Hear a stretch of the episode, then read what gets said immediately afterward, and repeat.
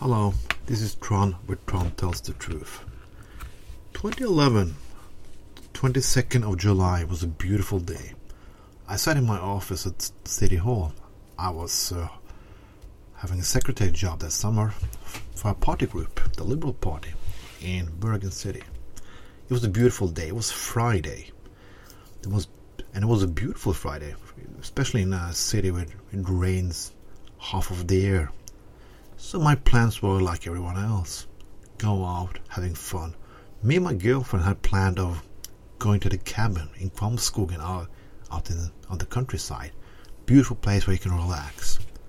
At four o'clock that day, I read I had a Twitter feed that said a bomb exploded in Oslo. A bomb explode. I thought it was like uh, some gangsters or something. So I just packed my bag. It was four o'clock to the bus home. I then heard another message on my phone. A real bomb had exploded in a government building in Oslo. Holy shit. I was running home. I come to my apartment. I say, even not saying hello to my girlfriend, I went straight to the television. And there it was. Nobody knew, really knew what happened. It was chaos everywhere nobody knew anything. And more and more time went on, and then the worst rumors came. Somebody has gone batshit crazy on Utøya. People don't know what Utøya is. It's a little place outside Oslo where the youth party of the Labour, Labour Party every year have their summer camp. Young people discussing politics, having fun, falling in love, and do all kinds of things that young people do. Apan had went to that camp and started shooting young people. It was insane. Nobody could believe what they heard. Our innocent just died that day. Nobody ever have nothing like this have ever happened since World War II, and that's a long time ago now. But we think we can, we think we were immune with everything. We were not immune that day. 22nd of July was the worst of the worst of days, and we discussed disgusted up and down. It was, but it came something out of it too.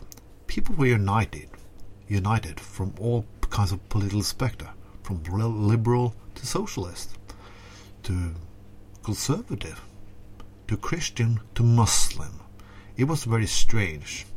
Well, yes, the Muslim and the Christian were united. I think if the Muslim had stands for the bomb or shut the people, it would, would be a little different. But that is from another to another time. Why I'm talking about this today is because this is five years since this happened. And what became what should be we united, standing against fanatism, having more open debate, has not died is dying not only in Norway, but is dying in many places all over the world. We often talk about Trump and Hitler and if this period of time looked like the 30s. But I'm going to remind you something what happened in the 30s. The biggest result Hitler ever had in the election was nearly up to 35%. That means that over 65% of the population didn't vote for him. But this I repeated so many times. That's why I sometimes have very strong opinions when I talk about election and voting. I've done a lot of Trond tells the truth. You must vote, you must engage. Because people didn't engage. They didn't stand up for their democratic rights. They stood up for open debate and democracy and freedoms. That's why it happened. And that's why it can happen again. We think that everything is honky dory and and right is something we always will have because we have a constitution or because we make good peace speeches from good politicians. But you, everyday person, has to fight for those rights. We found out that 22nd of July, 2011. But we didn't learn a lot. I hope we don't have to learn the lesson once again. But think about history. Only 35% stood up. 35% stood up and voted for Hitler. Where were the rest of the 65%? He never had a majority. Fanatics don't need the majority to win. If the rest of the people don't give a shit. If the rest of the people don't stand up and fight. That is something you have to think about. Days like this. A lot of friends of mine lost people that day in 2011. I will not be let their death mean nothing.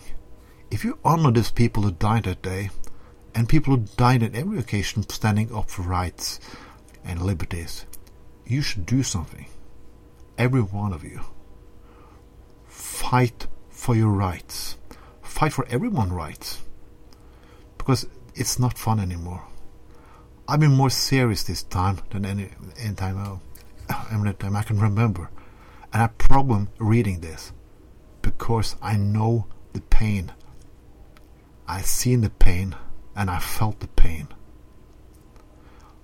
Not let future generation. We have. Oh God, sorry, people. Not let this be the end of history. Let it be the end of a terrible time and let it be the beginning of something new. This is Trond, but Trond tells the truth. Be aware and take care of each other. Have a nice day.